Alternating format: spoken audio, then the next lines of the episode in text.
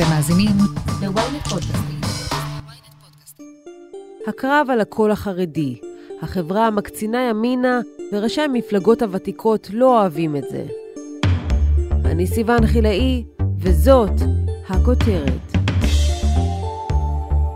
אנחנו רואים בשנים האחרונות, ובפרט בחודשים האחרונים, תזוזה של מצביעים שהיו מזוהים באופן מאוד מובהק עם המפלגות החרדיות, עם ש"ס ויהדות התורה. בן גביר בחודשים האחרונים מאוד קוסם להם, קורץ להם, מזמין אותם אליהם כאיזושהי אלטרנטיבה שהם חיפשו הרבה שנים, צריך לומר. אך, בחירות. תודו שהתגעגעתם. אחרי שנה וקצת בלי בחירות, היום נדע מתי נלך שוב לקלפי, לבחור את המועמדים שלנו לכנסת. ועוד בטרם התפזרה הכנסת כבר התחיל המאבק על שתיית הקולות. החרדיות, ש"ס ויהדות התורה עושות מאמצים כדי לשמר את המצביעים שלהן או לקרוא לאחרים מבחוץ להצטרף. ועוד לפני שבכלל התחילו הקמפיינים, בגוש החרדי נראה שכבר יורים בתוך הנגמש. ועל המוקד, איתמר בן גביר. הם מתעקשים. אני דיברתי עם כמה אחדים. נכנסים להר הבית. יש אחד, קוראים לו בן גביר, נכנס להר הבית, חבר יש גלה. איזה חילול השם. לצאת נגד כל גדולי ישראל האמיתיים. יש לי גם כן רב. תשים לב, תחשוב רגע אחת, אבל זה אלו כמו, כמו הרב שלך או כמו כל הרבנים האלו, זה כל גדולי הרבנים, זה עשרות עשרות רבנים. כתבנו לענייני חרדים, קובי נחשוני, הרב הראשי יוצא נגד חבר הכנסת איתמר בן גביר מעוצמה יהודית, הוא קורא לו אהבל ואומר שהוא מתסיס את הרוחות. מה עשה עכשיו איתמר בן גביר שהוציא את הרב הראשי מהכלים? טוב, אם תשאלי את הרב הראשי, הוא יגיד לך שאיתמר בן גביר הוא חוטא, הוא חוטא בחטא חמור. והוא כרב הראשי אה, צריך אה, להוקיע אותו. ואנחנו מדברים על המנהג של איתמר בן גביר, אגב, לא חדש, לעלות להר הבית. מדינת ישראל היא בעלת הבית כאן, ותדע לך שמי שממצמץ בהר הבית, הפירוש של האויבים זה שאפשר למצמץ בכל מקום אחר, וככה הם רואים את זה. אנחנו בעלי הבית על ירושלים, אני מתכוון גם בארבע אחר הצהריים. אה, לא רבים יודעים, אבל עלייה להר הבית, ביקור במקום הקדוש הזה, שנראה על פניו כמעשה דתי, הוא דבר מאוד שנוי אה, במחלוקת הלכתית. לא נעלה את המאזינים שלנו, אבל מכיוון שאין היום בית מקדש, וכולנו טמאים במידה מסוימת, אז עלייה שלנו כאנשים טמאים למקום הקדוש הזה היא מאוד מורכבת מבחינה הלכתית. הרב הראשי, הרבנות הראשית, כמו רוב פוסקי ההלכה, חושבים שאסור ללכת למקום הזה, ולכן אנחנו מכירים את הכותל המערבי כמקום שמושך אליו מתפללים ולא הר הבית. ולעומתם יש הרבה אנשים אה, דתיים, מחויבים להלכה, מאמינים, שחושבים שכן אפשר לעלות להר הבית, הם אמנם כנראה נמצאים בדעת מיעוט מבחינה הלכתית, אבל לכאורה, אם תשאלי את הרב הראשי, הוא יגיד לך, זה הסיפור. יש פה סיפור של אנשים שעוברים על ההלכה, ואנחנו כרבנים הראשיים מחויבים להוקיע אותם. יש מי שיגיד שלא מדובר באיזו יציאה ספונטנית, אלא בקמפיין בחירות מתוכנן ומחושב. הרי הרב הראשי תומך בש"ס, זה ככה ידוע לכל, הוא גם מייעד את עצמו להיות עם סיום תפקידו המנהיג הרוחני של המפלגה. אז אולי זה איזה ניסיון של הגוש החרדי להוקיע את בן גביר החוצה. טוב, אז זו הנקודה, זו, זו השאלה הגדולה. האם הרב הראשי יתערב פה בפוליטיקה או לא? האם באמת הסיפור הוא הלכתי, כמו שאמרנו? האם מותר לעלות או אסור לעלות להר הבית? או מדובר בעניין פוליטי. יש יותר מדי רמזים לכך שמעורבת פה גם פוליטיקה. קודם כל, כמו שאמרנו, איתמר בן גביר לא עשה שום דבר חדש. הוא כבר הרבה זמן עולה להר הבית, יש לו את הרב שלו שמתיר את זה. לכאורה שום דבר לא התחדש עכשיו שמזמין את ההתקפה הזו של הרב הראשי יוסף. הדבר השני הוא שאנחנו רואים שהרב יוסף לא לבד, אנחנו רואים גם אה, רבנים אחרים ושופרות של פוליטיקאים, עיתונים שמייצגים רבנים ומייצגים פוליטיקאים, עיתונות חרדית, שתוקפת בדיוק באותם טונים ועל אותם נושאים את איתמר בן גביר בתקופה האחרונה. כלומר, יש פה משהו שנראה כמו משהו מתוזמן, איזושהי מערכה כוללת נגד בן גביר, וברקע שלה, ואי אפשר להתעלם מזה, עומדת הנגיסה של בן גביר בקולות של המפלגות החרדיות. אנחנו רואים בשנים האחרונות, ובפרט בחודשים האחרונים, אה, תזוזה של מצביעים שהיו מזוהים באופן מאוד מובהק עם המפלגות החרדיות, עם ש"ס ויהדות התורה. בן גביר בחודשים האחרונים מאוד קוסם להם, קורץ להם, מזמין אותם אליהם כאיזושהי אלטרנטיבה שהם חיפשו הרבה שנים, צריך לומר.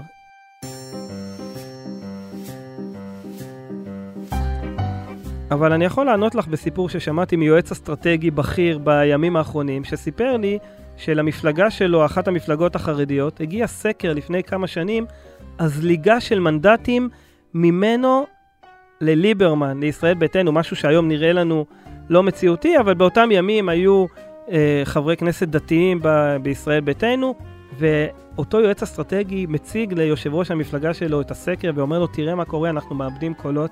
אומר לי אותו יועץ, לא עברו 24 שעות, וקם רב בכיר, בכיר מאוד בציבור החרדי, וסיפר לקהל שומעיו, אבא שלי בא אליי בחלום ואמר לי אסור להצביע לליברמן. מכאן נשאיר למאזינים שלנו את הפרשנות, האם הרבנים מתערבים בפוליטיקה.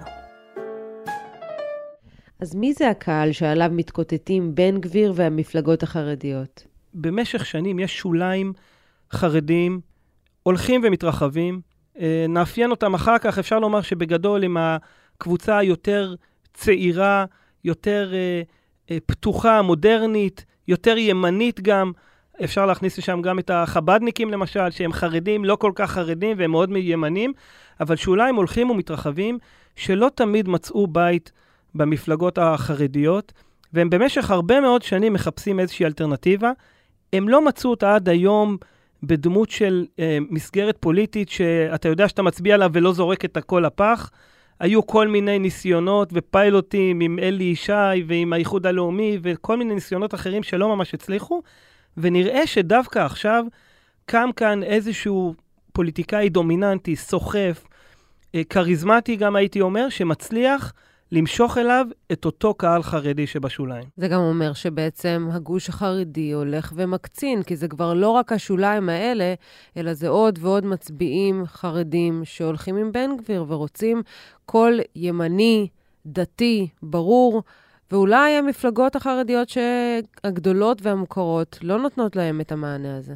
אז תראי, אני לא יודע אם זו הקצנה של הציבור החרדי, כמו איזושהי דריכה במקום של הפוליטיקאים החרדים. ו- ואני אסביר, אנחנו במשך שנים ידענו שהמפלגות החרדיות, גם ש"ס וגם יהדות התורה, הן א-פוליטיות, הן לא מזהות את עצמן בצורה, באופן מובהק עם מחנה פוליטי מסוים. אם אנחנו הולכים לחלוקה הגסה בין שמאל לימין שאנחנו מכירים, אז תמיד החרדים היו במקום טוב באמצע. כמובן, הם היו עם הציבור המסורתי והם נטו ימינה, אבל תמיד הם יכלו או ללכת עם השמאל, או לפחות לפלרטט עם השמאל. אנחנו ראינו את דרעי בשנות ה-90, אנחנו ראינו גם את יהדות התורה בהתנתקות, אמנם מצביעה נגד ההתנתקות, אבל נותנת לזה איכשהו לעבור, ואף פעם החרדים לא היו מזוהים באופן מובהק עם הימין.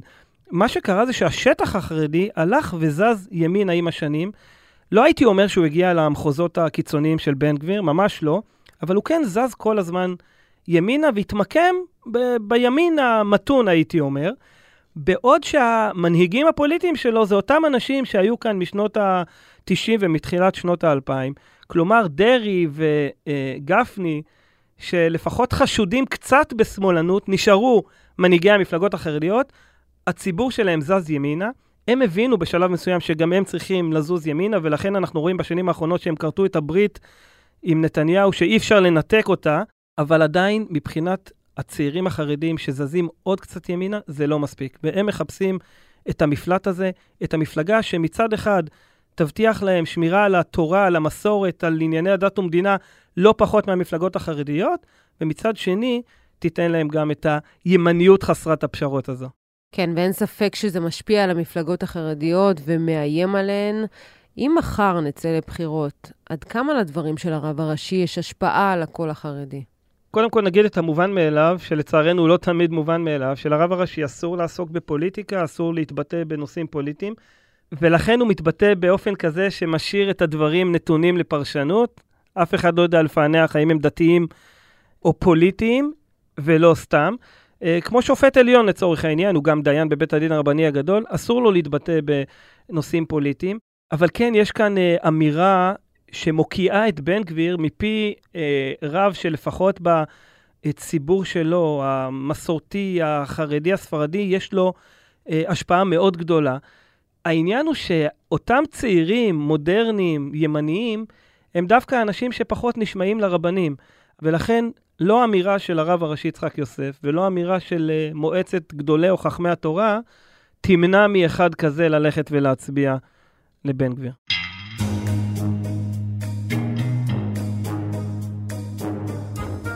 תתבייש לך. אתה, אתה צריך להתבייש, אתה השר הכי כושל, השר הכי כושל, הכי שמאלן. הפכו אותו לבן אדם הכי שמאלן, הפכו אותו לשר לביטחון פנים. אתה לא מתבייש?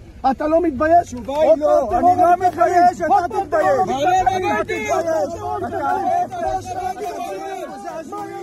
ואולי לא סתם אה, הוא מצליח לסחוף עוד ועוד אה, תומכים, אנחנו רואים אותו בחודשים האחרונים אה, עובד מאוד קשה, מנצל כמעט כל זירת פיגוע, הפגנה או התבטאות מול חבר כנסת מהגוש השמאלי יותר במפה הפוליטית, וככה מפזר את הדעות שלו וקורא לעוד ועוד מצביעים ובוחרים לתפוס את הצד שלו, הוא מבטיח שהוא ימין על מלא, ונראה שזה עובד לו.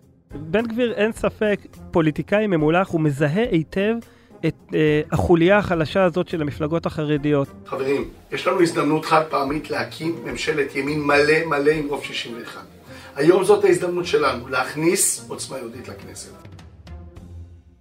אה, דיברנו על שייח' ג'ראח, דיברנו על צעדת הדגלים, אבל צריך לשים לב דווקא למקומות החרדים שהוא מקפיד להגיע אליהם, ולמאבקים בנושא דת ומדינה שהוא מוביל. כשליברמן אה, אה, משית את אה, גזירת המעונות על הציבור החרדי ומבטל את ההטבות במעונות לאברכים, אז לצד הפוליטיקאים החרדים אתם רואים את בן גביר קופץ ומשתמש אולי גם בתעודת העורך דין שלו לפעמים כדי לעזור לחרדים. אה, במירון, כשראינו שמתווה ההילולה של אה, רשב"י במירון קרס, אה, בן גביר ידע לנסוע לשם, הוא ידע, אה, הוא יודע למצוא את הקהל הזה, שיש סיכוי שיעזוב את פרוש ואת אייכלר ואת גפני ואת דרעי ויעבור אליו. זה דבר שאגב מאוד מאוד מעצבן את הפוליטיקאים החרדים, לראות, הם עובדים קשה מאוד בשביל הבוחרים שלהם, ובסוף בא בן גביר אה, באיזה פרובוקציה או באיזה ניצול ציני של סיטואציה ומנסה לגנוב להם את הבוחרים בין האצבעות, אבל הוא עושה את זה מבחינתו בחוכמה, מזהה את הנקודות, גם את המקומות האלה, וגם את אותה שכבת אוכלוסייה שדיברנו עליה, הוא מתמקד דווקא בה. הוא לא ייכנס לבני ברק, הוא לא ייכנס למאה שערים, שזה קהל אבוד מבחינתו, הוא ילך דווקא לשכבה הזו של הצעירים הימניים הפתוחים, שאצלם יש סיכוי אותם לגרור לציונות הדתית. מיד נמשיך עם הכותרת, אבל לפני כן, הפסקה קצרה. שלום, כאן עופר שלח. במדינה שבה יש בחירות כל שנה, במקרה הטוב, ופרשה חדשה בכל שעתיים, מישהו צריך לדבר על מה שחשוב לנו, האזרחים. בכל פרק של האמת היא, אנחנו נשוחח עם דמות בחירה אחרת על סדר היום העתידי שלנו כאן בישראל. שזו דרכי להגיד לכם שנדבר על כל מה שחשוב שהפוליטיקה תעשה בשבילנו, אבל היא לא תמיד עושה, לא ברור אם היא יכולה לעשות. אז תעקבו אחרי העונה החדשה של האמת היא בוויינט, ספוטיפיי או באפליקציית הפודקאסטים שלכם. תבואו, יהיה מעניין. האמת היא, עם עופר שלח.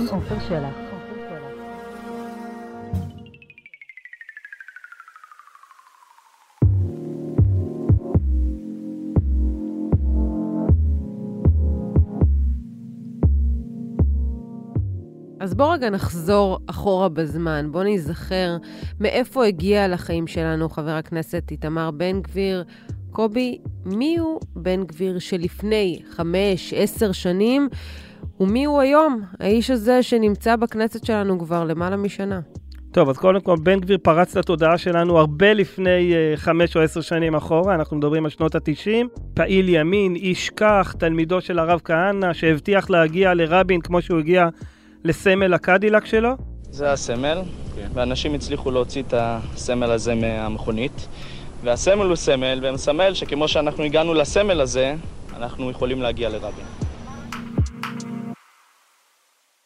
מה שקרה בחמש, עשר שנים האחרונות, זה שהוא מאוד בלט אה, כמשפטן אה, שמרבה לעסוק בעניינים אידיאולוגיים של אה, ימין, של החברה החרדית, של ענייני דת ומדינה, ויש לו איזושהי תדמית מאוד עממית שקסמה לציבור חרדי צעיר, ושוב, כל פעם אנחנו חוזרים לשכבה הזאת של החרדים הצעירים, תלמידי ישיבות שמחפשים את החבר כנסת הזה, או את איש הציבור הזה שיש להם מגע ישיר איתו ובלתי אמצעי, והוא מאוד עממי.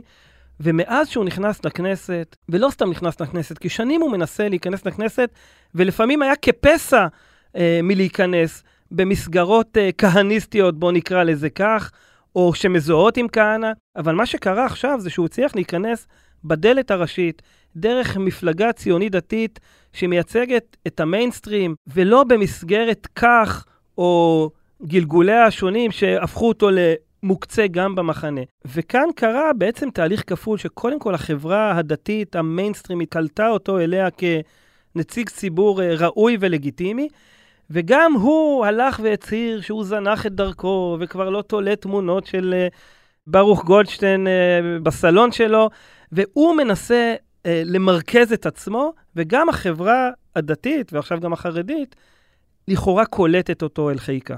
ואין ספק שזה שהוא כבר לא אותו אדם אה, קיצוני ולא לגיטימי, אלא חבר כנסת אה, מן השורה שמצליח לנגוס אה, בקולות של המפלגות החרדיות, הדבר הזה מאיים עליהן מאוד. ועכשיו, מה המטרה של אותן מפלגות חרדיות? איך הן מתכוונות למשוך אליהן את אותם צעירים חרדים שהולכים יותר ויותר ימינה?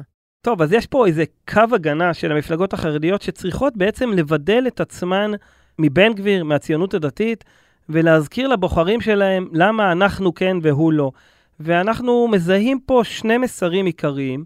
אחד מהם זה להציג את בן גביר כאותו פרובוקטור חסר אחריות, זה שמאיים להתסיס ולהבעיר את המזרח התיכון. המפלגות החרדיות מבינות שקהל היעד שלהן הוא ימני, והן לא יכולות להגיד בן גביר ימני מדי ואנחנו אה, א-פוליטיים, כי אז הם יאבדו לא רק את אלה שהולכים לבן גביר, הם יכולים לאבד גם שכבות נוספות. אבל הם אומרים, אנחנו ימנים, אבל אנחנו לא מטורפים כמו בן גביר. אנחנו, גפני ודרעי, ותיקים, מנוסים, מבוגרים, אחראים, ימין, אבל ימין שקול. והמסר השני, ועליו שמענו עכשיו מהרב הראשי, וגם בעיתונות החרדית אנחנו רואים את זה כל הזמן, להציג אותו כלא חרדי מספיק. הרי מה המצביע החרדי מחפש? הוא מחפש אדם שאולי גם ייצג אותו בימניות שלו, אבל הוא לא מוכן להתפשר על ענייני הדת. גם החרדי המודרני, החרדי החדש, החרדי הצעיר, הוא עדיין חרדי. אולי הוא לא נשמע לרבנים בנושאים פוליטיים, אבל כן ענייני הדת חשובים לו. וברגע שאתה מציג לו את בן גביר כאדם שההלכה היא לא נר לרגליו, קודם כל חשובים לו הערכים הלאומניים שלו, הלאומיים הימניים, ולכן לחרדי אסור להצביע לו. מהצד שלו, חבר הכנסת בן גביר דווקא לא רוצה שיהיו קרבות פנימיים בגוש.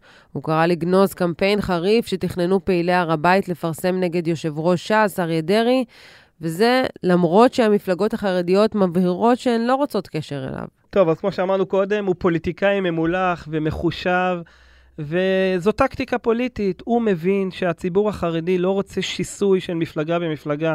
אה, גם אם מי ששמע את התגובה שלו לדברי הרב הראשי, אתה יודע, האינסטינקט שלו, כשהרב הראשי קורא לך אהבל, האינסטינקט שלך זה לענות לו בשפתו. ואת רואה שחבר הכנסת בן גביר, דווקא בגלל שהוא קורץ לקהל החרדי, שמעריך רבנים ומכבד רבנים, הוא אמר, אני מעריך את הרב יוסף, אני מכבד את העמדה שלו, אני עפר לרגליו. מי אני שאעמוד מול הרב יוסף? גם מול דרעי אותו דבר. בוא, הוא לא רוצה שלום עם דרעי, זה, זה די ברור. אבל הדרך שלו למשוך את אותם מצביעים, אולי מאוכזבי דרעי אליו, זה להגיד יש מקום לכולם, וכל אחד יצביע למפלגתו, וכל אחד ילך אה, לפי דעת רבותיו, והוא לא משחק את המשחק המכוער הזה עם הירי בתוך הנגמש. אז כמה באמת המאבק הזה של המפלגות החרדיות באמת ישפיע להערכתך על המערכת הפוליטית ותוצאות הבחירות הבאות? בהקשר הזה חשוב לשים לב ש... כל המאבק הזה הוא בתוך גוש הימין. כלומר, אין פה מאבק על כל אחד אפילו שעלול לעבור מגוש בנט-לפיד ימינה. ולכן, אם אנחנו מסתכלים על הגושים, בסופו של דבר זה מאבק פנים-גושי. פה הייתי אומר עוד יותר מכך, כי אה, במקרים האלה בעבר, ההשפעה הייתה בעיקר נגד הגוש מחשש לאובדן קולות. כלומר, בפעמים הקודמות שבן גביר רץ, והוא רץ לבד, אז למאבק הזה על הקולות החרדים, הייתה משמעות האם הקולות האלה נשארים ונספרים בגוש הימין, או שהם הולכים לפח כי בן גביר לא עובר לבד את אחוז החסימה.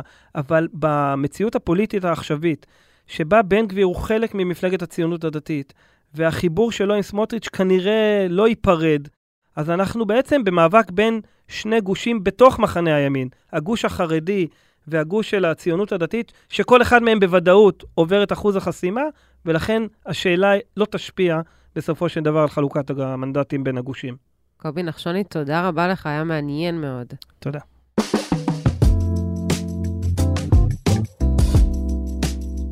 עד כאן הכותרת להפעם. אתם מוזמנים לעקוב אחרינו בוויינט או איפה שאתם שומעים את הפודקאסטים שלכם. אם זה קורה בספוטיפיי או באפל פודקאסט, אתם מוזמנים גם לדרג אותנו ולהאזין לפרק פוליטי נוסף שלנו. חפשו את הוויכוח הגדול שהפוליטיקה השכיחה. דברו איתי בקבוצת הפייסבוק שלנו פודקאסט להמונים או אצלי בטוויטר ותציעו רעיונות לפרקים שאתם רוצים לשמוע. וכמובן, לא לשכוח לשלוח את הפרק לחבר שעדיין לא שמע את הכותרת של היום. עורך הפודקאסטים הוא רון טוביה, קאי סלם סייע בעריכת הפרק, עריכה לשונית אור שמש, על הסאונד ניסו עזרן. אני סיוון חילאי, נשתמע בפעם הבאה.